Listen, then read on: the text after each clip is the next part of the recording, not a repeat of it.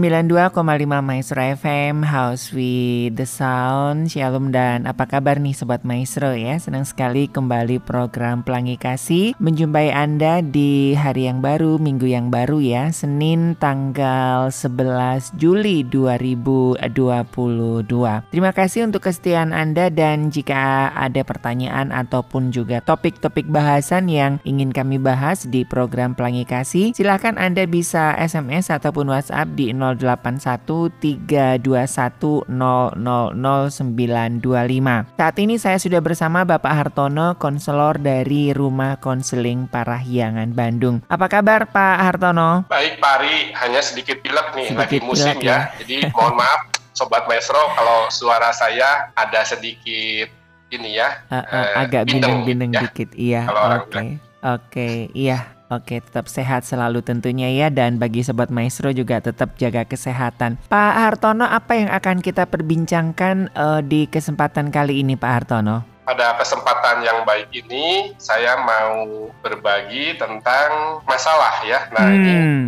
masalah itu perlu dibagikan bukan Iya. disimpan. dikira saya Ini mau dikira, dikira saya mau bagi-bagi daging kurban, Pak Hartono.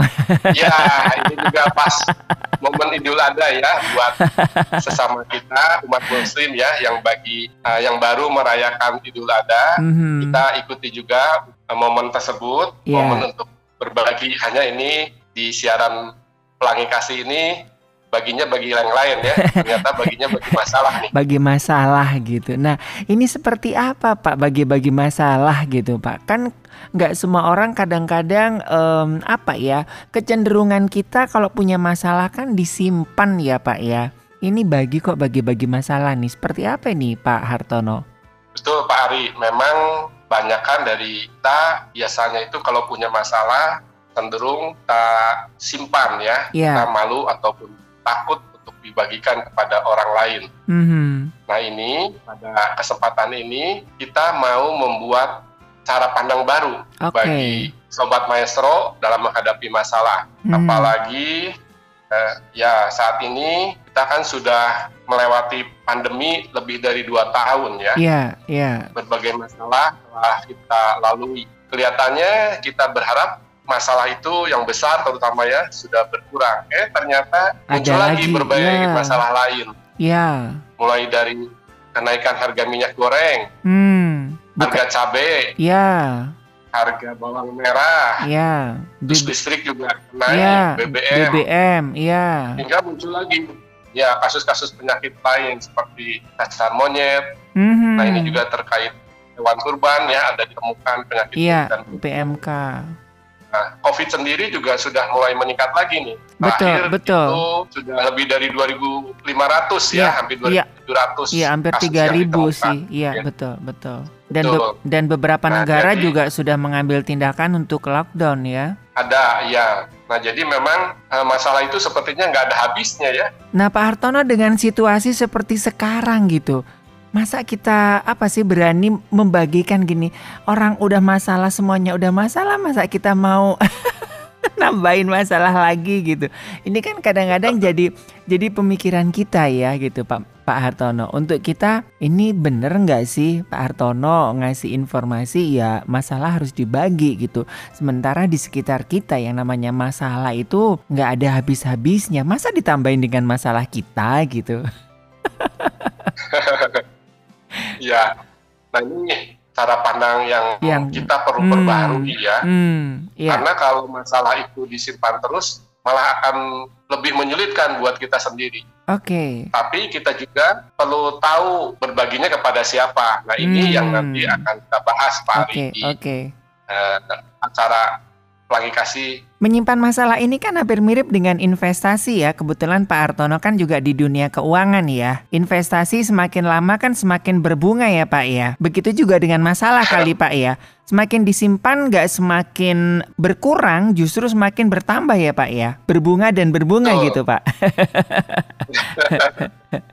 Nah ini jadi kalau justru kalau kita menyembunyikan masalah itu malah masalah akan bertambah Iya, dan akan membuat luka hati kita ya akan semakin berat juga. hmm, Nah akibat lain jika kita menyimpan masalah daya tahan tubuh akan menurun, oke, kemudian asam lambung kita juga akan meningkat ya.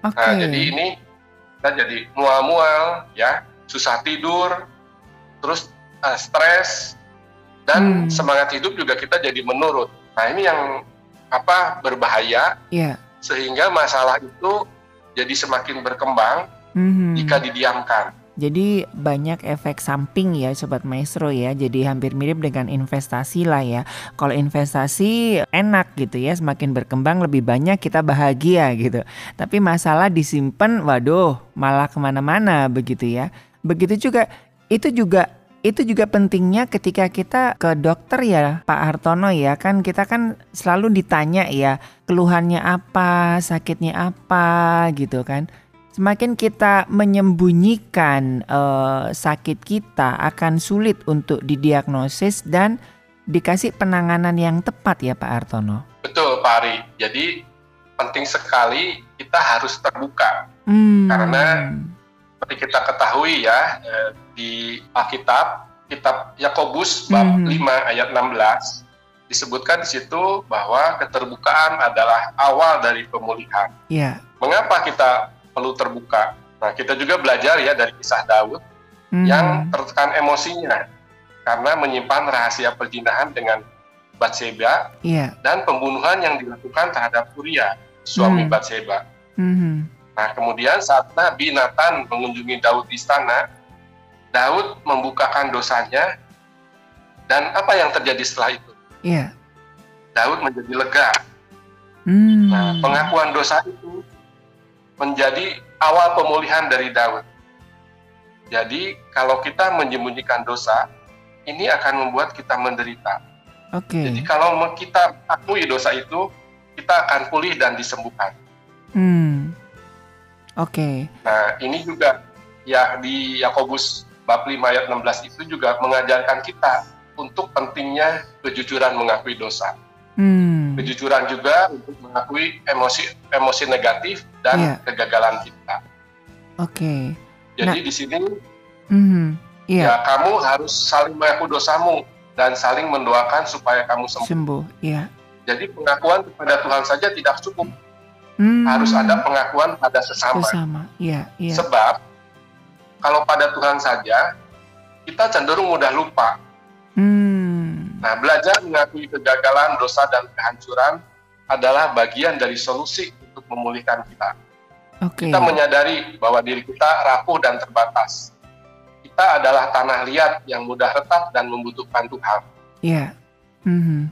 Oke. Nah, Pak Hartono sebelum kita mencoba apa namanya membahas ya satu persatu ya bagaimana kita harus membagikan masalah. Ini kan di sekarang ini kan orang lebih mudah untuk membagikan masalah ke media sosial daripada ke sesama begitu Pak. Nah, bagaimana Pak Hartono menyikapi hal ini baik nggak Pak ketika kita mengungkapkan eh, emosi kita apa yang kita rasakan di media sosial Pak? Ya, ini terkait dengan zaman sekarang ya, Pak, Iya, iya. di mana publikasi begitu banyak Mhm. dan peran media sosial semakin besar. Iya, Dan ini dipakai oleh orang-orang tertentu untuk mencari popularitas ya. oh, Nah, kadang kita perlu lihat apakah Iya. popularitas itu berefek negatif atau Hmm. positif buat kita. iya, Nah, ini yang kita harus perhatikan karena orang kalau misalnya masuk ke media sosial, tentu itu akan disebarkan ke berbagai lapisan dan berbagai juga siapa pun Eh, bisa area, membaca ya Pak ya, bebas ya.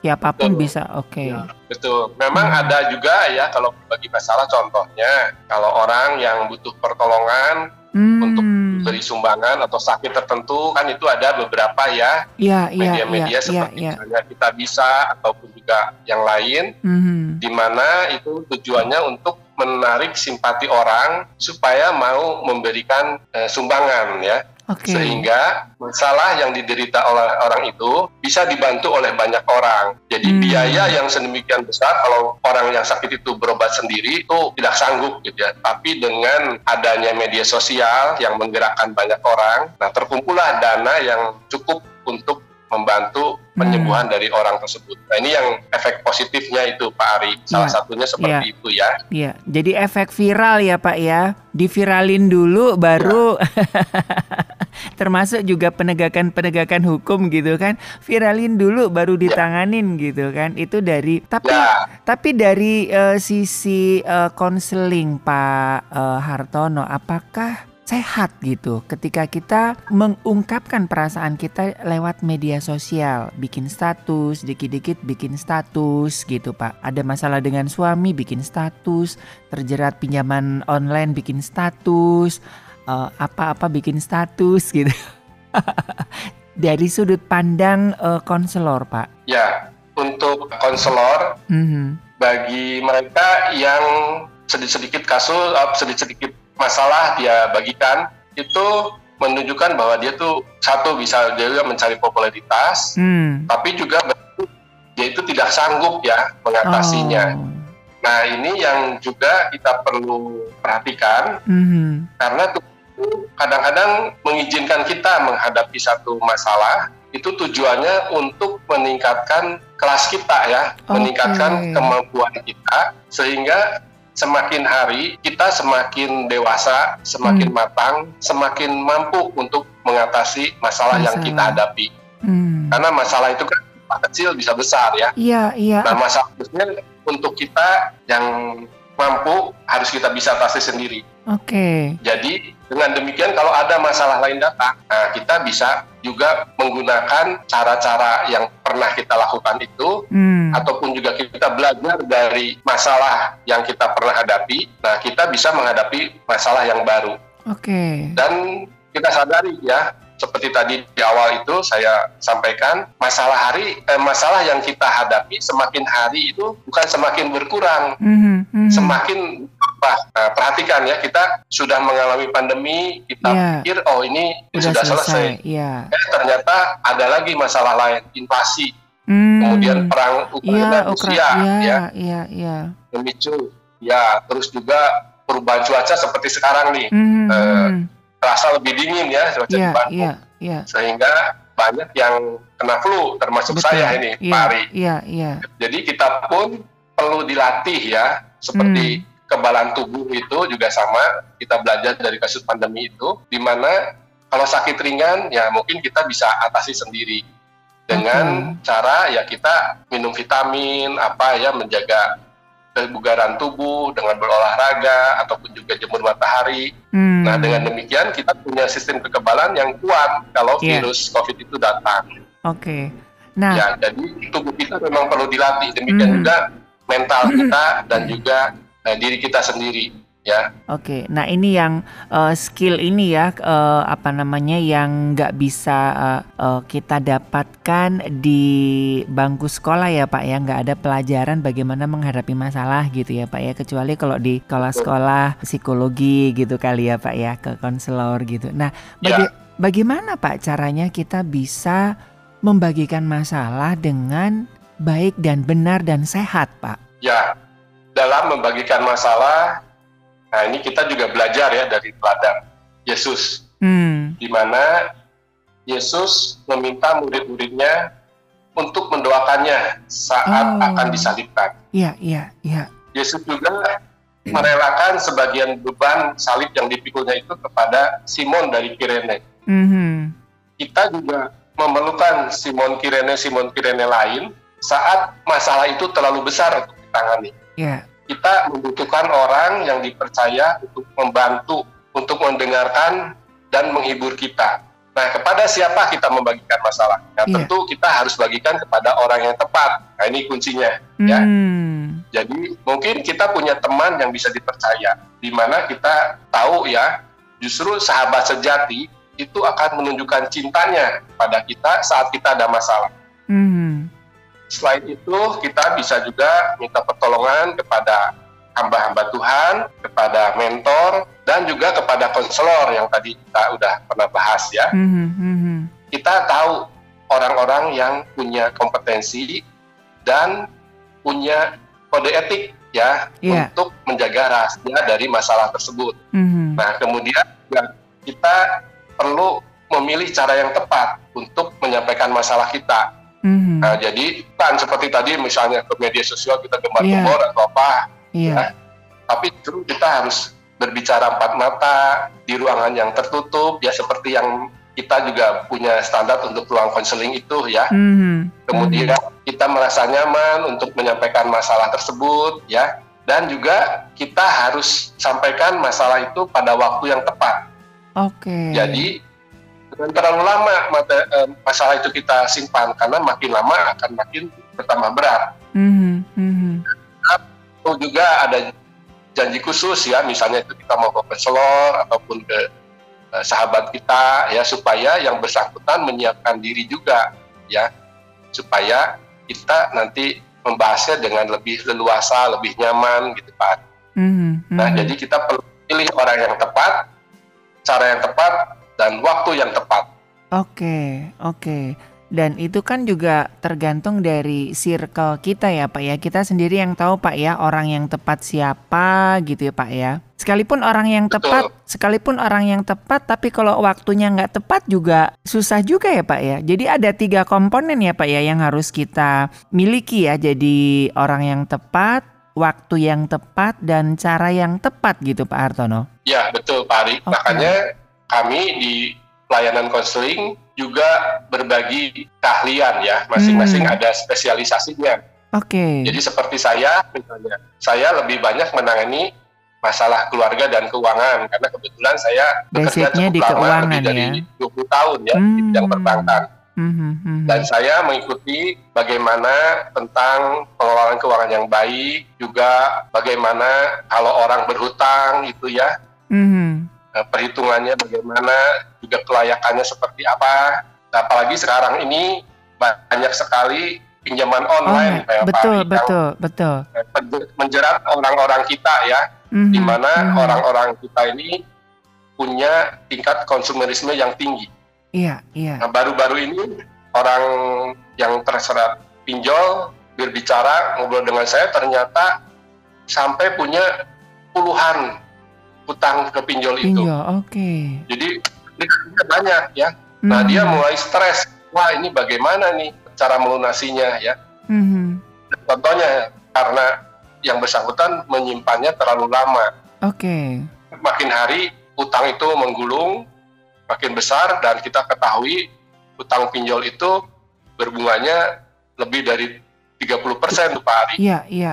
Betul, Iya. betul, betul. Nah ini bisa orang utangnya 100 bisa tiba-tiba jadi sejuta misalnya ya Mhm, mhm. dalam waktu yang singkat. Oke. Ya terus juga di pelayanan konseling kita juga melayani orang-orang yang datang tapi ternyata kasusnya itu sudah berat dan parah ya. Jadi kalau misalnya di penyakit kanker kanker itu sudah Stadium empat. gitu ya. Oke, oke. ya jadi ada misalnya yang juga pernah baru-baru ini saya menerima so, pasang pasutri itu ternyata mereka sudah terlalu banyak perbedaan, terlalu banyak juga eh, luka-luka Hmm. sehingga sulit sekali untuk diutuhkan ke- dipulihkan kembali ya. Iya. Ada juga yang suaminya datang saat istrinya itu sudah pisah rumah Hmm. terlalu banyak luka yang ditimbulkan oleh dirinya maupun keluarganya sehingga istri ini merasa sudahlah mau hidup sendiri aja Iya. dan baru-baru ini yang bersangkutan membawa pengacara untuk bercerai. Oke. Wah, udah sudah seperti itu. Itu Mhm, yang mhm, kami Mhm. konseling. Dan ini kan juga harus kita harus bisa ini Pak ya jeli memilih dan memilah masalah mana yang harus dibagikan gitu Pak ya. Kan nggak semua harus masalah harus di, dibagikan Pak gitu karena gimana Pak karena eh, kadang-kadang Pak ya ya saya ada beberapa orang yang ya kan katanya punya masalah harus dibagikan gitu. Aduh dikit-dikit cerita, dikit-dikit cerita kan capek Pak. Iya betul Pak Ari. Jadi kayaknya kita tuh jadi tong sampah gitu loh Pak, gitu. Iya, nah, nah ini yang juga banyak kami alami ya di bidang hmm, konseling. Iya iya. Nah ya, gimana ya, Pak? Ini di, bisa mengedukasi sobat maestro untuk bisa memilih ya samalah kayak kayak masalah sampah sekarang gitu kan sebetulnya kan kita bisa atasi itu dari rumah jangan disalahkan ke pemerintah kan sebetulnya kan sekarang masalah sampah di mana-mana jadi masalah gitu kan. Sebetulnya yang bikin masalah kan kita sendiri dari keluarga ya yang tidak bisa memilih dan memilah sampah mana yang harus dibuang dan mana yang harus didaur ulang gitu kan. Ya betul Pak Ari. Nah itulah memang uh, ada kecenderungan orang itu untuk menganggap enteng ya hmm. ataupun juga nggak mau repot terus juga merasa wah ini lebih baik orang lain saja yang mengurusi atau yeah. minta bantuan ya padahal ini hmm. tidak mendewasakan ataupun oh. juga tidak meningkatkan kemampuan yang bersangkutan hmm. ya nah sini sebenarnya nanti mungkin lain kesempatan ya ada beberapa yeah. juga cara baru untuk menghadapi masalah oke okay, jadi okay ada nanti topik tentang masalah itu untuk dijalani, bukan iya. dihindari. Hmm. Masalah diizinkan Tuhan untuk menguji dan menguatkan iman kita. Iya. Masalah itu untuk kita bisa mendapatkan mahkota.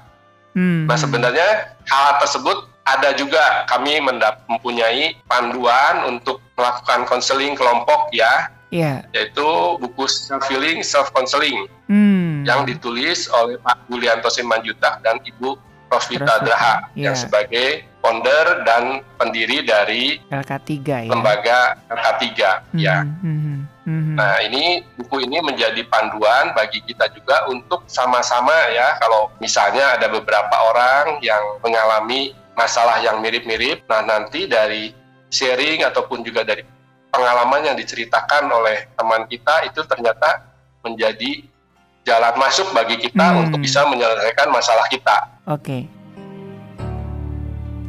Kulihat mendung menghalangi pancaran wajahmu Tak terbiasa ku dapati terdiam mendura Apa gerangan bergemuruh di ruang benakmu Sekilas kalau mata ingin berbagi cerita Ku datang sahabat bagi jiwa.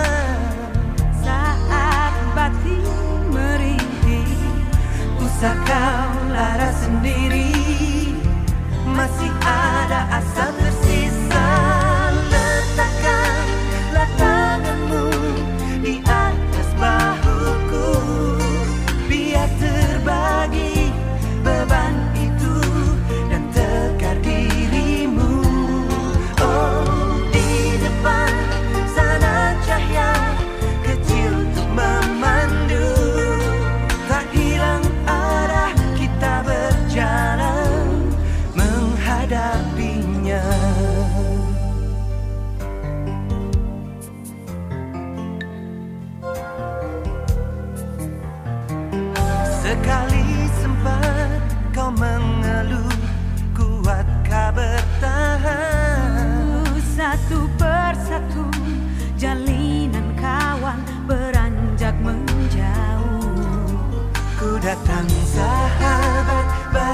bagi jiwa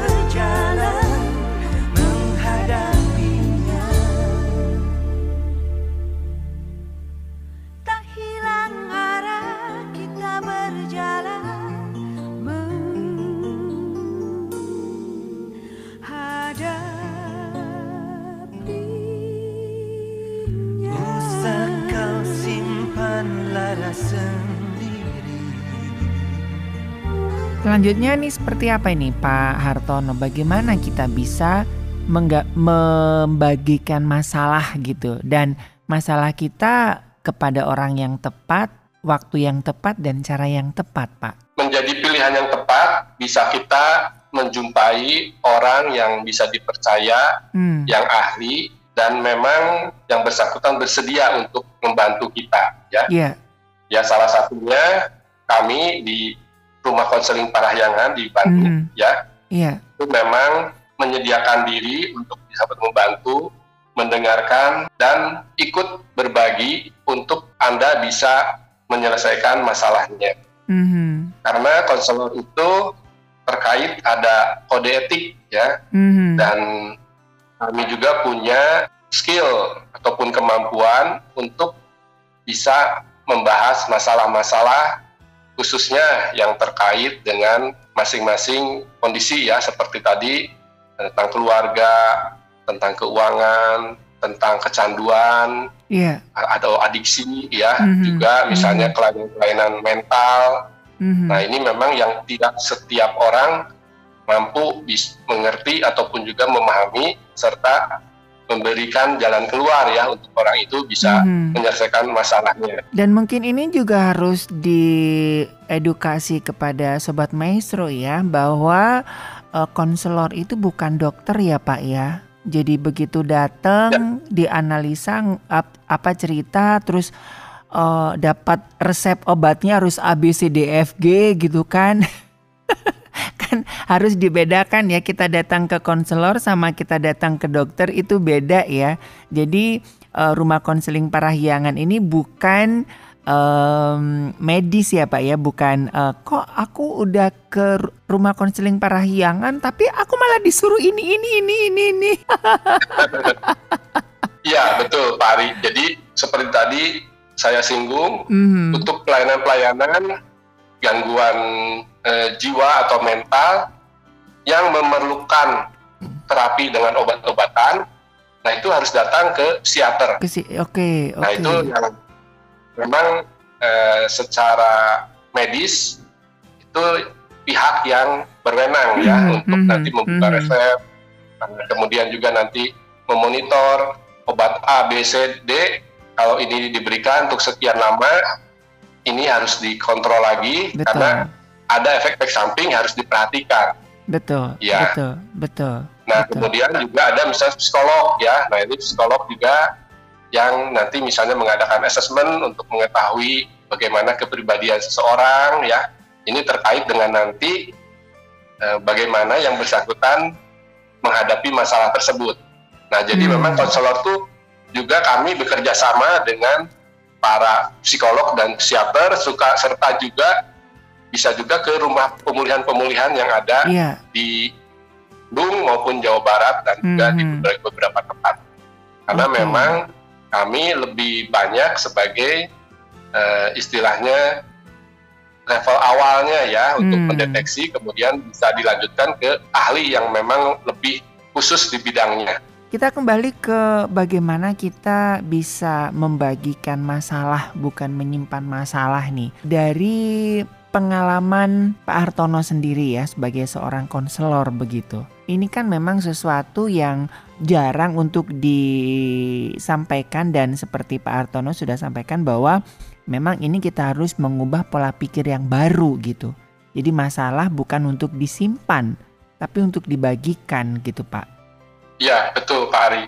Mhm. Jadi memang seperti tadi untuk pelayanan konseling, nah ini juga dari pihak LK3 dan kami juga di AKP sekarang lebih aktif untuk mensosialisasikan ya supaya konseling ini menjadi bagian dari gaya hidup Oke. buat rekan-rekan. Jadi bukan satu aib ya kalau kita datang Iya, ke iya. konselor itu. gitu.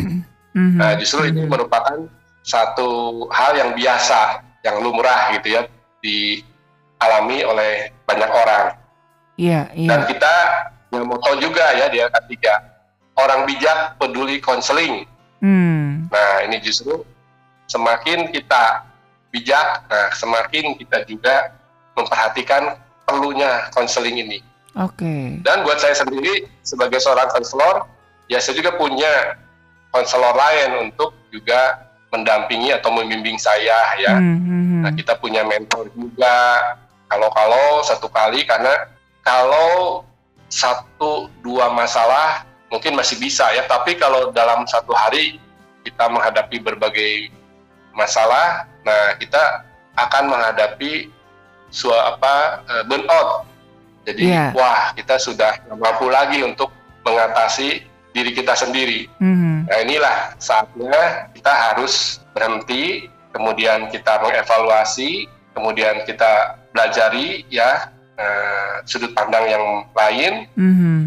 Nah di sini kita bisa bawa juga apa yang kita hadapi itu kepada mentor ataupun kepada pembimbing kita Oke. yang akan memberikan cara pandang yang berbeda. Hmm, Nah ini yang kita perlu sadari bahwa setiap orang tuh perlu juga mentor ya. iya, termasuk para pemimpin seperti presiden aja punya kan ya iya, presiden iya. Ada penasehat pemimpin punya kepresidenan ya.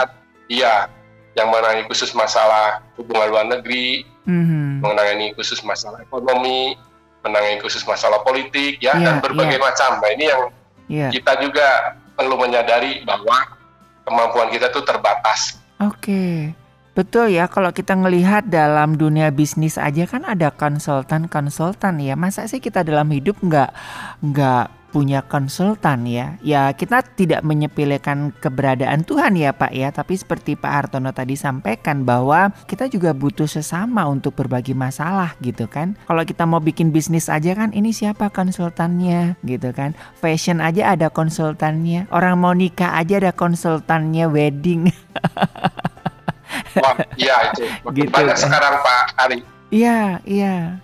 Oke. Nah, apalagi dengan wedding organizer ya ya apalagi dengan keluarga kan juga butuh konsultan ya, Pak. Ya, inilah yang mungkin masih minim sekali ya pemahaman tentang kita ke konseling gitu kan. Ah, konseling mah nanti aja kalau masalahnya parah, kalau udah udah nggak bisa ditanganin gitu. Nah ini kan konsep ini harus dirubah ya Pak Artono ya Jadi sedini mungkin itu Pak ya Masalah itu harus diselesaikan dan dibagikan Betul itu Pak Ari. Nah, hanya memang kita harus lihat seperti tadi masalah yang seperti apa, Ya kemudian kepada siapa kita berbaginya ya. Hmm, Iya, iya.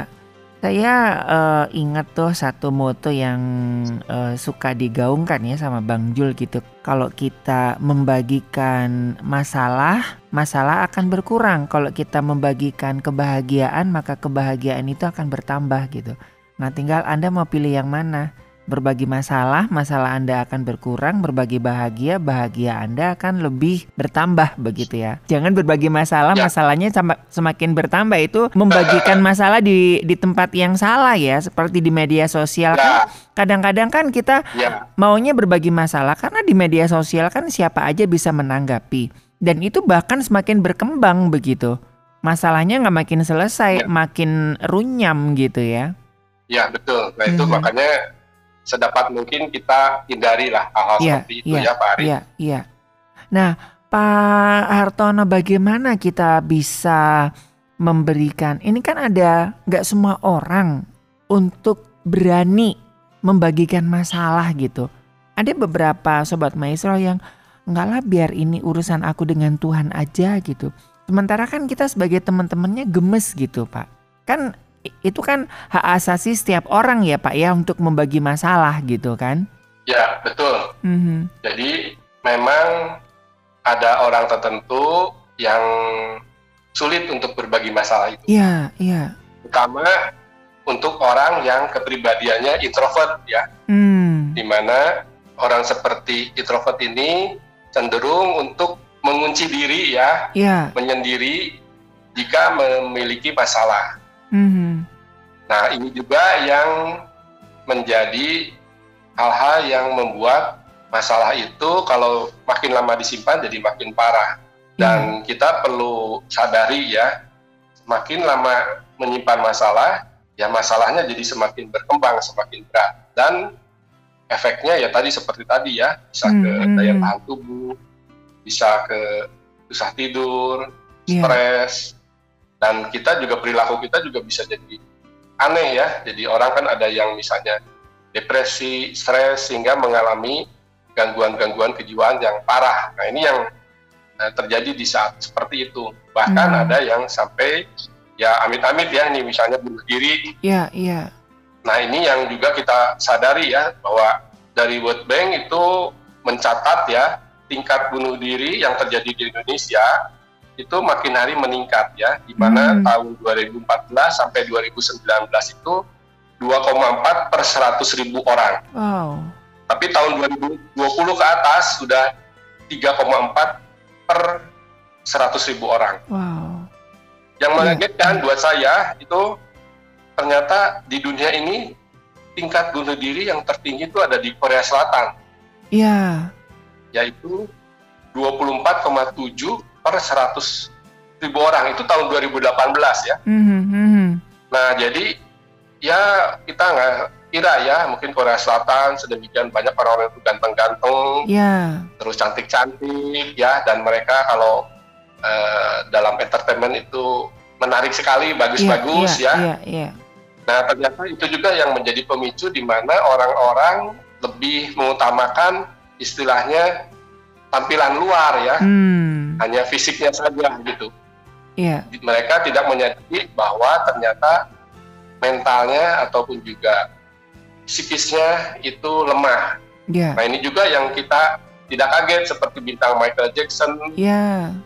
kemudian juga Whitney Houston, Iya, iya. ya, oh tiba-tiba ditemukan bunuh diri misalnya ya. Mhm, mhm. Nah ini yang eh, bisa terjadi seperti itu, karena mereka merasa sendiri nggak ada orang yang menolong untuk dibagikan masalahnya. Betul, betul. Karena seperti tadi Daud kita ceritakan di Alkitab, kalau Daud merasa lega, merasa dipulihkan setelah Daud mengaku ya atau berbagi masalahnya itu kepada Nabi Nathan.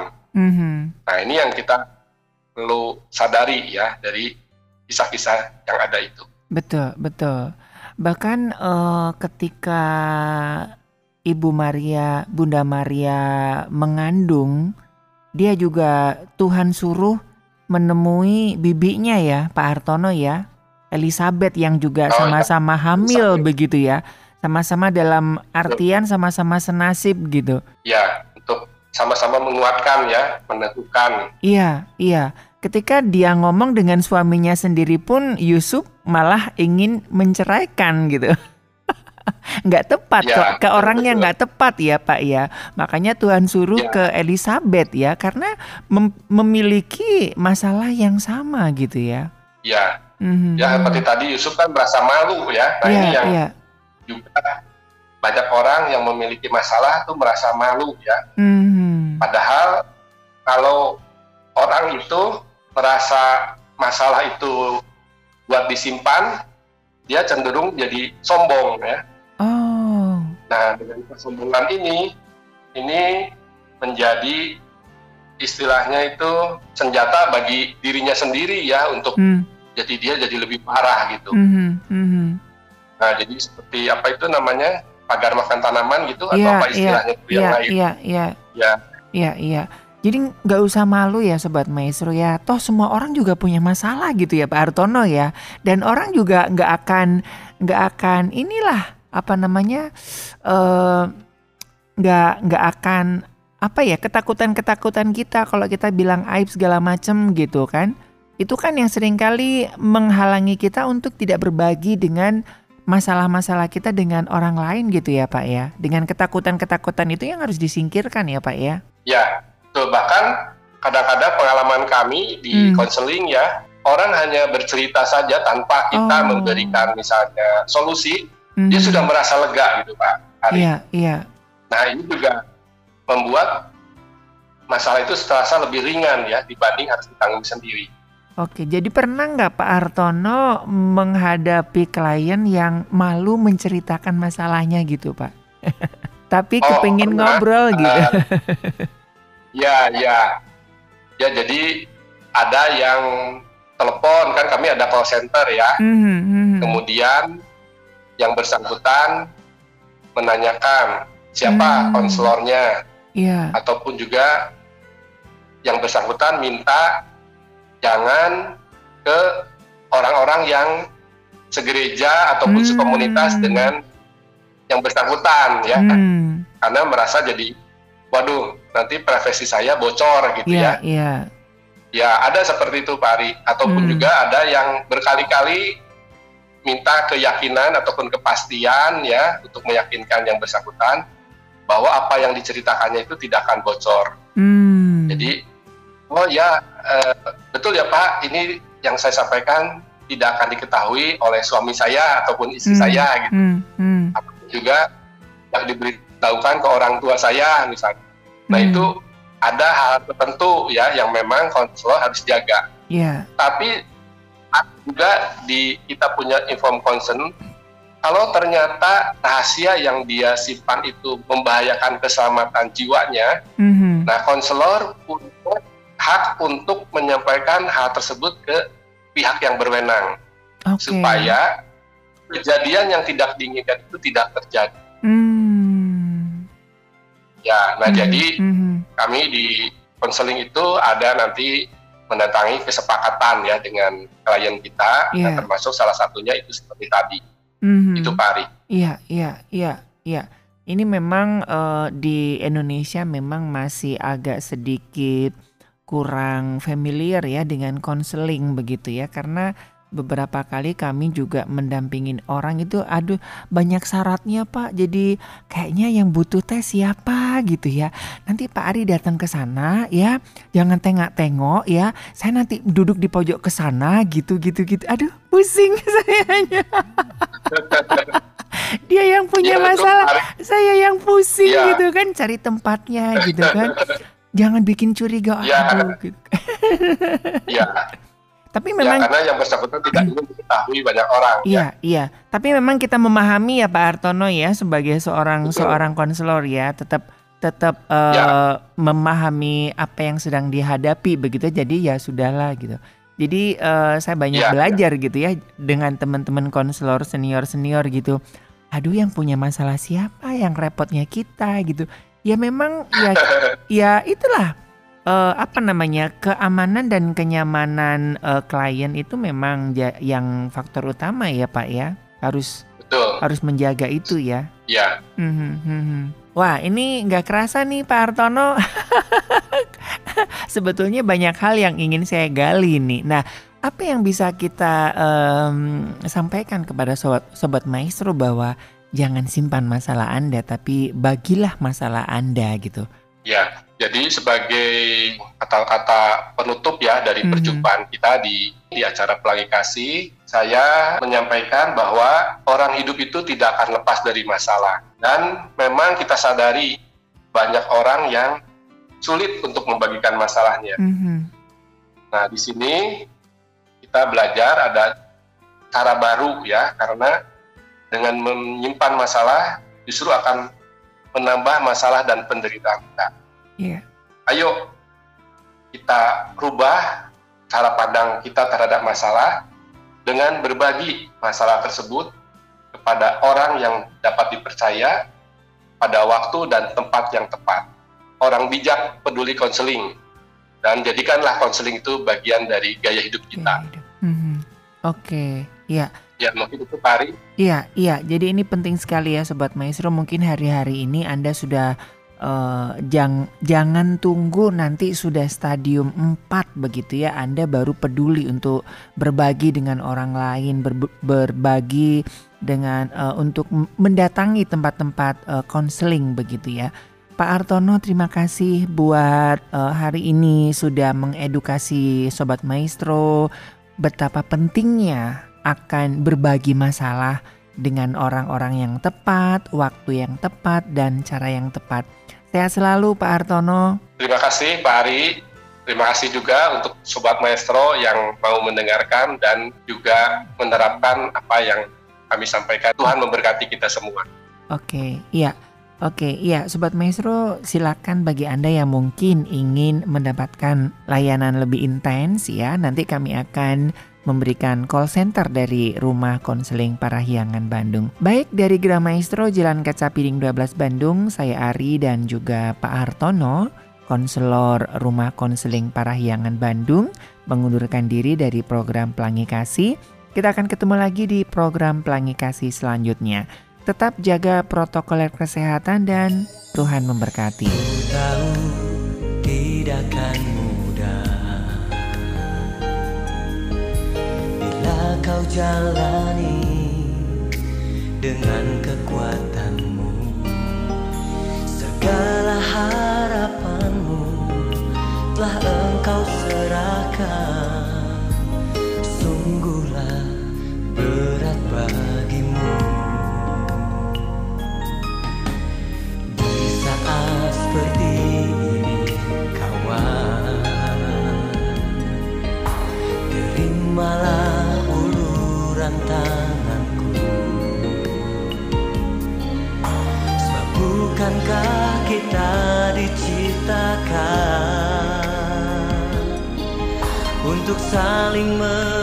see